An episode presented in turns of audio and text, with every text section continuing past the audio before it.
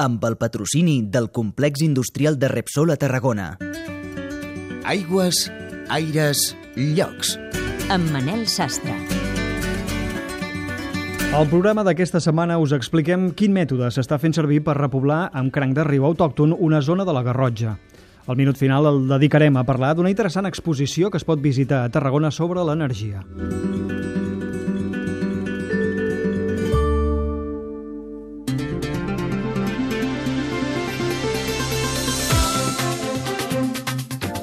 El Parc Natural de la zona volcànica de la Garrotja està portant a terme un projecte de repoblació del cranc autòcton, que està en perill d'extinció. Gràcies als fons LIFE europeus han pogut invertir en el filtratge i la depuració de l'aigua i multiplicaran per 10 la reintroducció d'aquesta espècie. És un reportatge de Laia Claret amb el muntatge musical de Josep Lluís Blázquez. Característiques del cranc autòcton. És un crustaci de cap. Joan Montserrat, tècnic del Parc Natural de la zona volcànica de la És molt Garrotxa. diferent de, del cranc americà perquè té un color més terrós i sobretot és molt delicat. O sigui, una espècie que és indicadora d'aigües netes, les aigües han de ser netes. I ara no són prou netes pel cranc de riu. Xavier Puig, director del Parc, detalla que això afecta els ous de les cries. la viabilitat tenia un percentatge molt baix a causa d'un patogen, la saprolèmia, que ens ve amb l'aigua i que fa que molt poc percentatge dels ous eh, postos siguin al final eh, viables. En Joan ens explica quin és l'objectiu de la piscifactoria. L'objectiu d'aquesta piscifactoria és intentar eh, tenir en captivitat crancs d'aquestes conques, de manera que puguem anar alliberant en les torrenteres on no hi pot arribar els crancs americans, on no hi pot arribar la, la malaltia.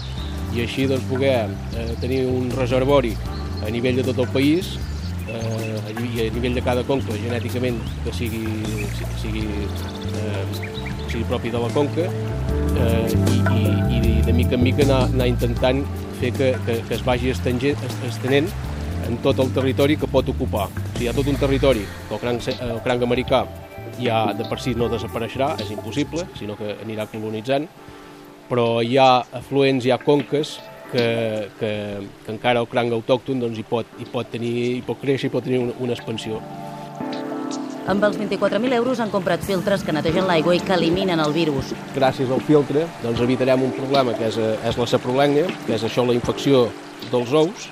Això ens feia desaparèixer el 80% de, dels ous i amb aquest filtre que hem pogut aconseguir a través de, del LIFE, del projecte LIFE, tenim l'esperança doncs, que, que, que aquesta malaltia que ens fa desaparèixer els ous es pugui controlar, no, no, no sigui plaga i la producció doncs, eh, es multipliqui primer per 10 i després doncs, segurament eh, hi haurà més quantitats per poder anar repoblant.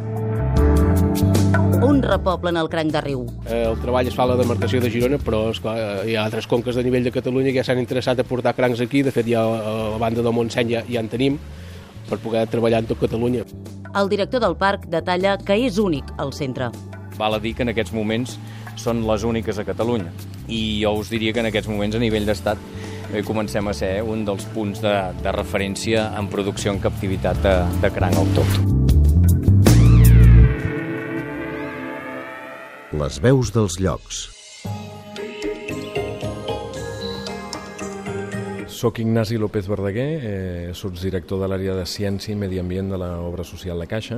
Energia és una, una exposició que pretén mostrar un panorama de les energies del segle XXI, doncs perquè el model que tenim és sostenible, no ho és, eh, quines són les energies que fem servir, eh, quan ens costa, però per entendre tot això, abans d'arribar-hi, comença fent dos recorreguts. Un recorregut científic que ens explica què és l'energia, com es transforma, com es conserva, és eficient o no ho és, i un recorregut històric que eh, ens explica com hem passat de l'home primitiu que només feia, eh, gastava l'energia que consumia per menjar fins l'home actual que ha multiplicat per 150 doncs, l'energia que aquell home eh, que aquell home consumia. Com hem arribat fins aquí? Des d'un punt de vista històric i per què, des d'un punt de vista científic, finalment per explicar quin és el panorama de les energies d'avui.